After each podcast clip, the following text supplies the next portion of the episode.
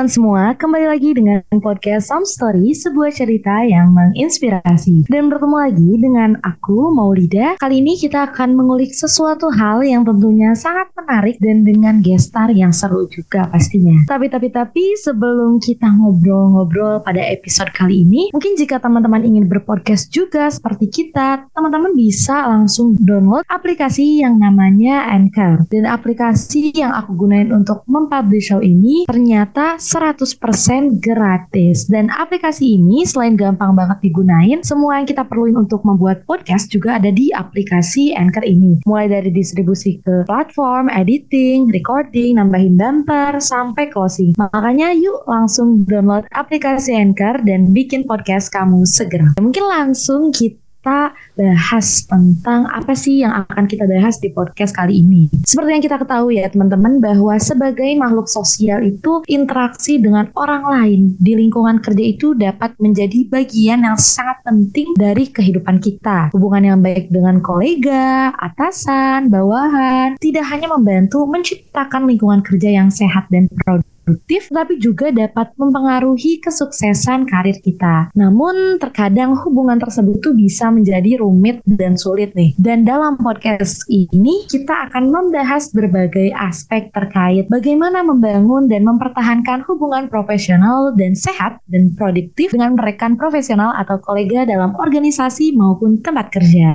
Nah, langsung saja di sini aku nggak sendiri, aku bareng guest star spesial kita. Di sini ada Kak Rafa. Halo Kak Rafa. Halo Kak, apa kabar? Alhamdulillah. Kabar aku baik. Lagi sibuk apa nih Kak sekarang kesibukannya? Kesibukannya aku masih sekolah. Hari-hari itu sekolah, ngonten, atau kalau lagi ada job, aku ngambil job dan organisasi komunitas bareng teman-teman. Itu sih paling Kak. Tapi kan sebelumnya Kak Rafa ini masih sekolah nih Kak. Ada nggak sih pengalaman-pengalaman Kak Rafa berkomunikasi dengan kolega atau rekan kerja atau Kak Rafa sendiri udah pernah kerja atau bekerja sama atau sama siapa gitu kak? Kalau pengalaman aku sendiri kalau untuk kolega ya, aku emang memperbanyak dan memperluas jaringan sosial, nyari relasi. Aku pernah diundang untuk ngobrol langsung sama head leadernya Emina Kosmetik. Itu super pengalaman yang bener-bener berharga buat aku. Dan aku juga masuk dalam bergabung dalam beberapa komunitas yang pastinya ketemu orang banyak dengan karakter yang berbeda juga nih pasti kak. Jadi aku harus bisa nyesuaiin dengan siapa aku bertemu gitu. Jadi meskipun Rafa ini masih sekolah kelas 2 SMA ya kak kalau nggak salah. Iya betul. Iya tapi karena Rafa tuh udah punya banyak pengalaman terkait entah itu dunia kerja, organisasi, serta komunikasi-komunikasi dengan orang di luar sana. Nah, apakah penting memiliki hubungan yang akrab dengan kolega atau partner, entah itu di organisasi atau mungkin di ruang lingkup kerja? Iya penting banget sih kita ngejaga hubungan baik dengan relasi, dengan partner, partner kerja, partner organisasi. Itu penting banget menurut aku aku. Relasi itu sangat penting buat anak remaja kayak aku yang baru banget memulai karir nih kak. Jadi menurut aku sangat baik kalau kita punya relasi, menjaga hubungan baik dengan kolega. Itu akan banyak membawa keuntungan buat kita sendiri gitu. Nah aku setuju sih terkait hmm. pendapat Karafa karena emang komunikasi itu kunci dalam segala kesuksesan dan karena kan kalau komunikasi kitanya aja udah jelek atau udah kurang, nah itu bisa menimbulkan entah hal-hal yang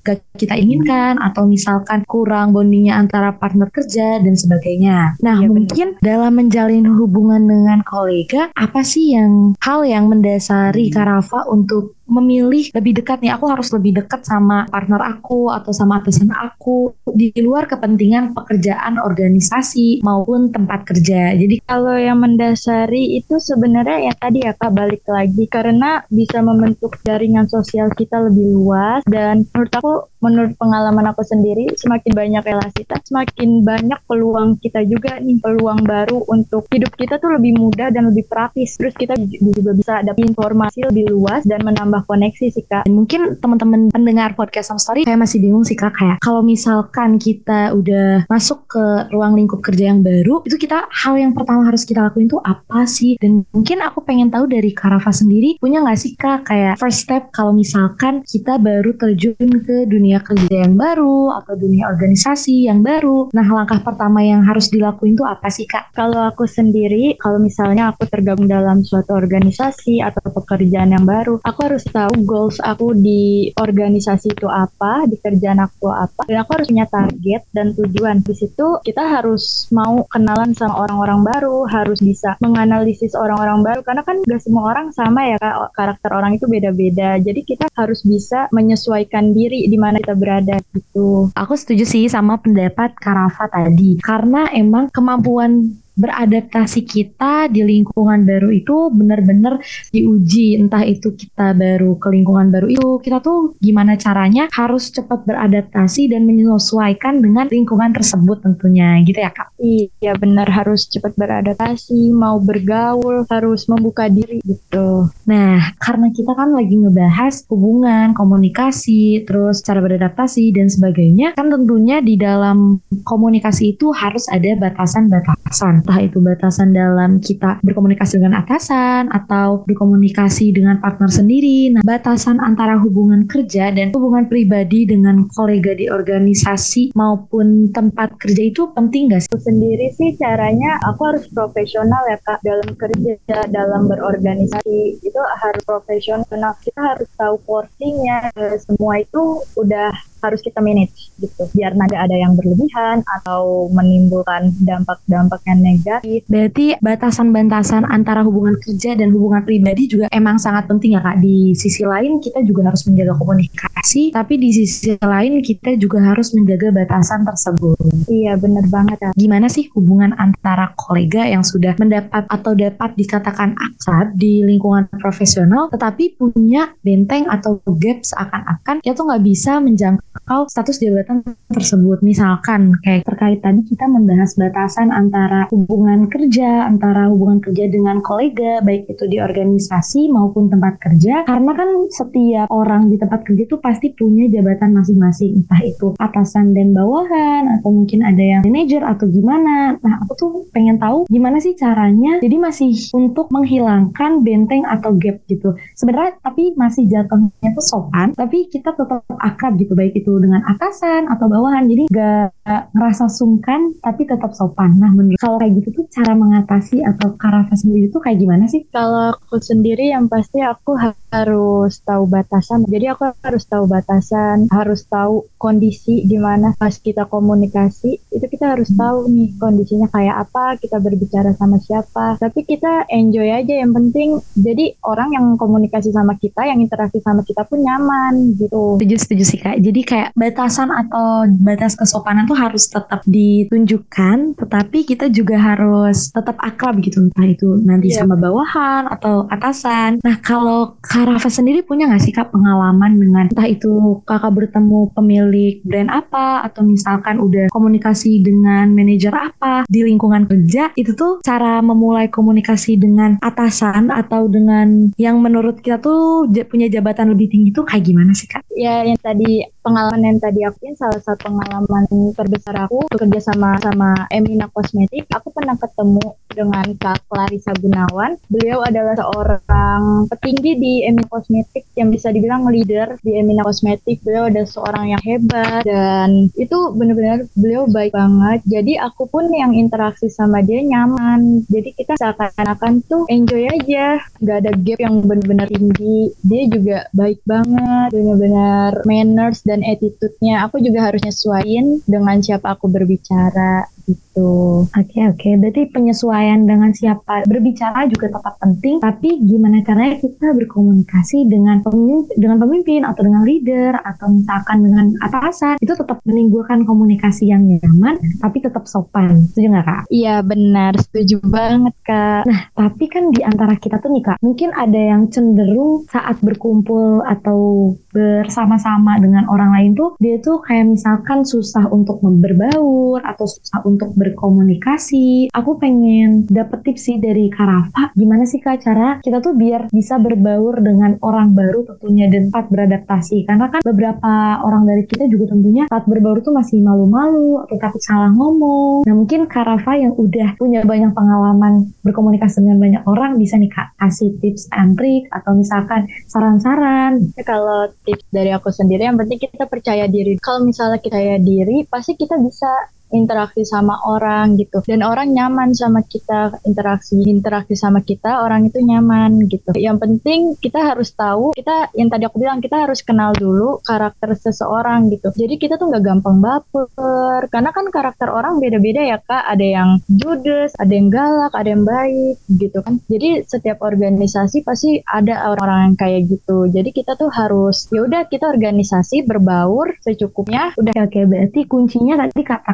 Tuh percaya diri dan jangan lupa untuk kita berkomunikasi dan berbaur dengan orang-orang di situ dengan percaya diri intinya ya kak kunci. Iya benar. Karena kita butuh juga kan relasi yang banyak tuh kita butuh buat memperluas jaringan dan karir. Benar-benar setuju setuju sih kak. Mungkin karena orang-orang tuh malu untuk berbaur tuh di saat dia tuh nggak ngerasa sama karena kan jika di tempat kerja atau organisasi kita tuh kan latar belakangnya beda-beda ya kak. Nah itu tuh mungkin banyak orang yang merasa bahwa aduh aku nggak sama nih dengan dia. Misalkan kita punya keberag kebedaan latar belakang, budaya dan sebagainya. Nah gimana sih kak biar kita tuh bisa menghilangkan gap antara perbedaan-perbedaan latar belakang itu? Gimana biar cara kita berbaur dengan misalkan dengan orang yang punya bahasa lain atau misalkan dengan orang yang latar belakangnya lain dengan orang yang lebih tua. Nah, aku pengen tahu dari Karafa, dari pengalaman Karafa sendiri, itu gimana sih Kak cara untuk berbaur dengan orang-orang yang memiliki latar belakang beda tadi. Kalau untuk tadi latar belakang, ngomongin latar belakang, kita itu sebenarnya harus kenalin diri kita dulu, Kak. Kita harus kenal siapa diri kita, kita harus tahu value apa yang kita punya. Jadi dari situ kita bisa pede nih berinteraksi sama siapa pun gitu. Kalau aku sendiri misalnya aku lagi komunikasi sama orang yang lebih tua, ya aku menyesuaikan diri, tetap sopan tapi enjoy dan sesuai manners dan attitude-nya pasti dijaga banget gitu. Kalau untuk kayak interaksi sama teman seumuran atau sama partner organisasi itu mungkin bisa lebih santai tapi tetap harus jaga attitude dan manners gitu kan. Oh paham paham. Jadi kita tetap mementingkan attitude, manners tapi tetap berkomunikasi dengan nyaman dan dengan baik dengan orang-orang tanpa memperhatikan latar belakang tadi. Asalkan attitude dan mannersnya juga tetap kita terapkan kan. Iya benar. Udah percaya diri aja gitu.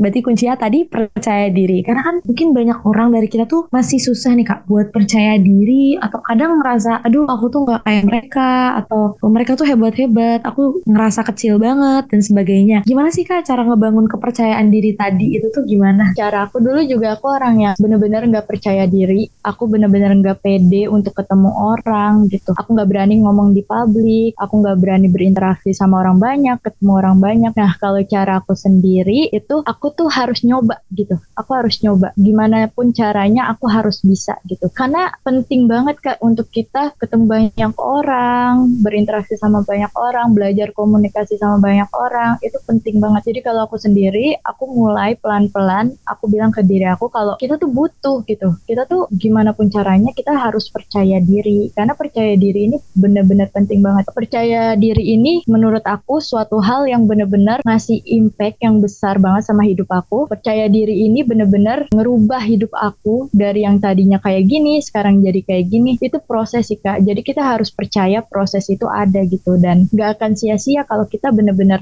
mau coba gitu. Kemampuan yang kita punya. Karena menurut aku semua orang pasti punya kelebihan kan? Kalaupun punya kekurangan kekurangan itu bisa kita jadiin sebagai privilege untuk kita menjadi lebih baik gitu. Setuju sih kak, karena emang meskipun percaya diri itu agak sedikit susah, tapi dengan kita mendasari segala hal yang kita lakukan dengan percaya diri itu tuh ke depannya juga bakal, entah itu kita bakal lebih enak dalam berkomunikasinya dan sebagainya. Nah berarti kunci buat percaya diri tadi, kata Karaka tadi, jangan lupa untuk lihat value dalam diri kita dan kalaupun kita punya kekurangan, jadikan kekurangan itu sebagai motivasi atau mungkin jadikan kekurangan itu sebagai pembelajaran, evaluasi bagi diri kita. Tuh, jadi buat teman-teman yang mungkin masih takut untuk coba, teman-teman yang punya cita-cita mau apa, mau apa, tapi masih ragu-ragu nih buat nyoba, udah guys, gak apa-apa, coba aja dulu. Kita nggak akan tahu kalau kita tuh nggak nyoba gitu. Yang penting kita percaya sama diri kita sendiri kalau kita tuh bisa gitu. Setuju, setuju. Karena kita tuh kalau nyoba, entah itu kita nanti di saat percobaan itu gagal atau berhasil, itu bakal jadi proses untuk membangun diri kita untuk lebih baik ke depannya juga ya Kak. Iya benar. Hargain aja setiap prosesnya, nikmatin. Nanti juga ada hasilnya gitu pasti. Setuju pendapat Karafa. Mungkin teman-teman di rumah yang mendengar podcast Home Story bisa nih untuk mencatat atau menerapkan tips-tips dari Karafa tadi biar kalian tuh makin percaya diri dan tentunya dalam komunikasi dengan orang lain juga. Nah, aku juga punya beberapa pandangan nih Kak terkait kalimat bekerja hanya untuk mendapatkan gaji bukan untuk mencari teman. Kalimat tadi itu menurut Karafa sesuai atau enggak sih bekerja buat cuma dapat gaji bukan cari teman. Sebenarnya kurang setuju sih aku sama statement itu ya. Karena benar kerja itu untuk cari uang, kita realistis ya kak kerja untuk cari uang memang. Cuman harus balance gitu kak. Karena yang tadi aku bilang relasi itu kolega menjaga hubungan baik dengan relasi dengan kolega itu penting banget untuk jenjang karir kita. Itu sangat membukakan peluang yang lebih luas lagi untuk dunia kerja kita gitu. Jadi kalau misalnya kerja untuk cari uang doang menurut aku kayak agak rugi ya kak. Sia-sia gitu kayak rugi gitu. Padahal kita dari sana kita bisa dapat banyak relasi yang bakal membukakan jalan untuk karir kita. Karena yang aku rasain sendiri kayak gitu kak, semua rejeki aku itu perantaranya dari orang lain, dari relasi. Semakin aku kenal banyak orang, semakin juga banyak rejeki yang datang ke aku gitu. Kita bisa kenal sama orang-orang penting, orang-orang yang punya privilege. Itu kan sebuah hal yang berharga ya kak. Jadi emang penting banget. Jadi kalau misalnya kerja untuk cari uang aja, menurut aku kayak lebih baik balance gitu. Boleh cari uang, mengharapkan uang, cuman relasi itu penting banget untuk hidup kita gitu. Setuju sih sama pendapat Karafa. Karena kan kalau uang tuh bisa habis. Kalau kita ngandelin kerja itu cuma cari uang, bisa uang habis, kita kerja lagi. Nah, sedangkan relasi atau teman tuh kan bakal dibutuhkan ke depannya.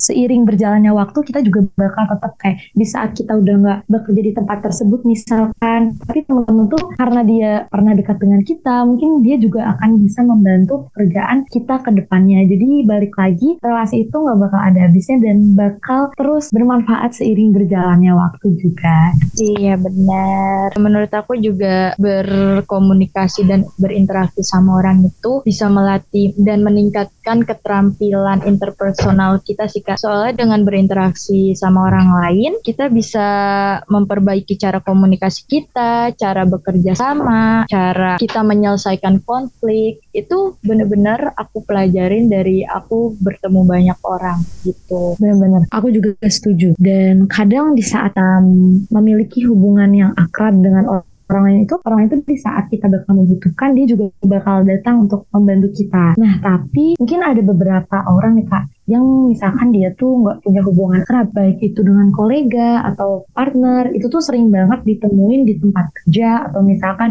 di beberapa organisasi. Nah itu tuh hubungan yang terlalu dekat dengan partner di organisasi maupun tempat kerja itu tuh berbahaya nggak sih kak? Kayak misalkan kita terlalu dekat dengan partner kita atau terlalu dekat dengan kolega kita. Nah itu tuh bahaya nggak sih kak untuk menjalankan pekerjaan-pekerjaan ke depan? Menurut aku tergantung kita membawa diri ya kak. Kalau kita bisa membawa diri dan menyesuaikan diri, bisa menjaga diri. Menurut aku nggak ada salahnya buat akrab sama relasi sama kolega itu nggak ada salahnya. Tapi kita juga harus tahu batasan. Kalau misalnya udah ke arah yang negatif, mungkin itu udah stop harus stop sampai di situ aja gitu. Karena kan kita ya itu kita harus kenal gimana orang-orang di sekitar kita gitu. Jadi sebelum kita memutuskan untuk dekat dengan seseorang kita harus tahu dulu dan kenal gimana nih karakter orang ini gitu. Gimana cara dia berorganisasi gitu. Biar kita itu nggak salah langkah kak gitu. Oh betul betul. Paham paham. Dan mungkin beberapa kejadian atau beberapa kasus tuh ada di saat kita tuh bekerja atau berpartner dengan teman dekatnya sendiri misalkan. Itu tuh kadang di pekerjaan itu tuh kita tuh menyampingkan sisi profesionalitas dari diri kita. Kalau misalkan kita bekerja atau berpartner dengan teman sendiri nih misalkan, nah itu tuh hubungan profesionalnya tuh tetap masih dibutuhkan gak sih kak dalam pekerjaan tersebut? Karena kan saking terlalu dekatnya gitu misalnya. Harus sih kak, profesional itu harus apa pun keadaannya mau dengan siapa pun kita bekerja profesional itu banyak ya karena nganggapnya ah dia temen gue, ah dia sahabat gue, jadi kerjanya suka-suka aja. Itu nggak boleh sih menurut aku karena nanti pertama kita akan nyepelein pekerjaan kita, kita akan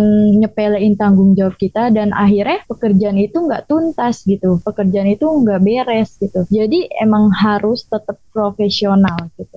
Kalau dalam pekerjaan harus profesional, tapi kalau misalnya udah di luar jam kerja, udah di luar pekerjaan itu bebas sih kayak tetap teman. Mungkin plusnya, sisi plusnya, sisi baiknya kita lebih enjoy kerjanya, lebih santai karena sama teman sendiri nih berpartnerannya gitu. Oke, jadi mungkin dalam pekerjaan bisa disimpulkan bahwa dalam pekerjaan tuh tetap harus ada profe profesionalitas entah itu mau sama teman sendiri atau keluarga sendiri. Gimana profesionalitas itu tuh bakal menunjang kinerja atau misalkan pekerjaan-pekerjaan kita ke depannya karena di saat kita udah menumbuhkan profesionalitas kita juga bakal bertanggung jawab atas pekerjaan yang diberikan ke diri kita gitu. Iya benar kayak gitu. Jadi kita bagaimanapun kayaknya kita harus profesional, menjunjung tinggi profesional gitu. Kalau yang aku terapin dalam diri aku kayak gitu kak. Setuju kak. Dan mungkin dari pengalaman-pengalaman dan cerita tadi Kak Rafa udah bertemu dengan berbagai orang, berbagai orang dari latar belakang yang berbeda. Dampak apa sih yang paling signifikan menurut Kak Rafa dan memiliki dengan memiliki hubungan yang baik dengan kolega atau partner baik itu di organisasi atau di tempat kerja. Nah, dampak yang paling signifikan tuh apa sih Kak? Dampak yang paling signifikan yang aku rasain itu hidup aku lebih mudah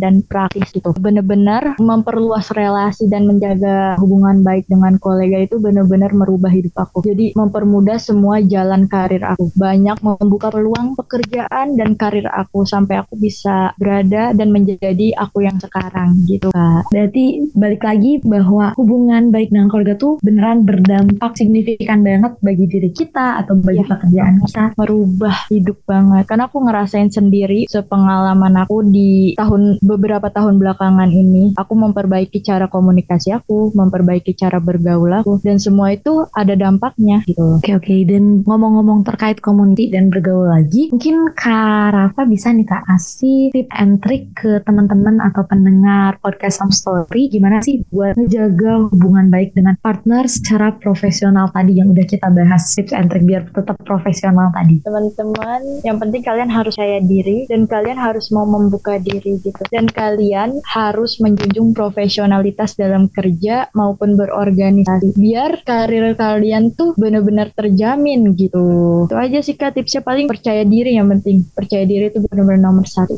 gitu. Terima kasih Kak Rafa. Mungkin dari tadi pengalaman-pengalaman Kak Rafa cerita-cerita Kak Rafa tadi kita bisa tarik kesimpulan nih bahwa emang di saat kita berpartner atau berkomunikasi dengan orang lain komunikasi tadi tuh sangat penting. Gimana cara kita berkomunikasi dengan kolega atau misalkan dengan partner kerja baik itu di organisasi organisasi maupun di tempat kerja itu tuh sangat penting untuk menunjang pekerjaan-pekerjaan yang akan dihadapi ke depannya. Dan tentunya tadi juga Kak Rafa udah ngasih tips and trick gimana sih cara bisa komunikasi dengan baik, dengan tapi tetap profesional. Jangan lupa kuncinya tadi percaya diri, ingat value kalian di mana ketika kalian udah percaya diri tentunya komunikasi yang akan diterapkan ke depannya juga bakal lebih enak dan bakal lebih nyaman untuk berkomunikasi entah itu baik dengan partner kerja ataupun kolega di organisasi maupun di tempat kerja. Oke, okay, dan gestar hari ini seru banget dan makasih banget Kak Rafa udah jadi gestar Some Story pada episode kali ini. Semoga cerita serta pengalaman Kak Rafa tadi dan juga saran-saran tips and trick yang diberikan bisa bermanfaat dan juga menghibur para pendengar setia podcast Some Story kita. Mungkin kalau misalkan teman-teman ada pertanyaan bisa ke mana nih Kak Rafa? Langsung hubungin ke Instagram atau TikTok atau mana nih? Buat yang mau DM DM aku di Instagram juga bisa langsung aja feel free untuk kalian DM atau mau diskusi tentang suatu hal boleh banget langsung DM ke Instagram aku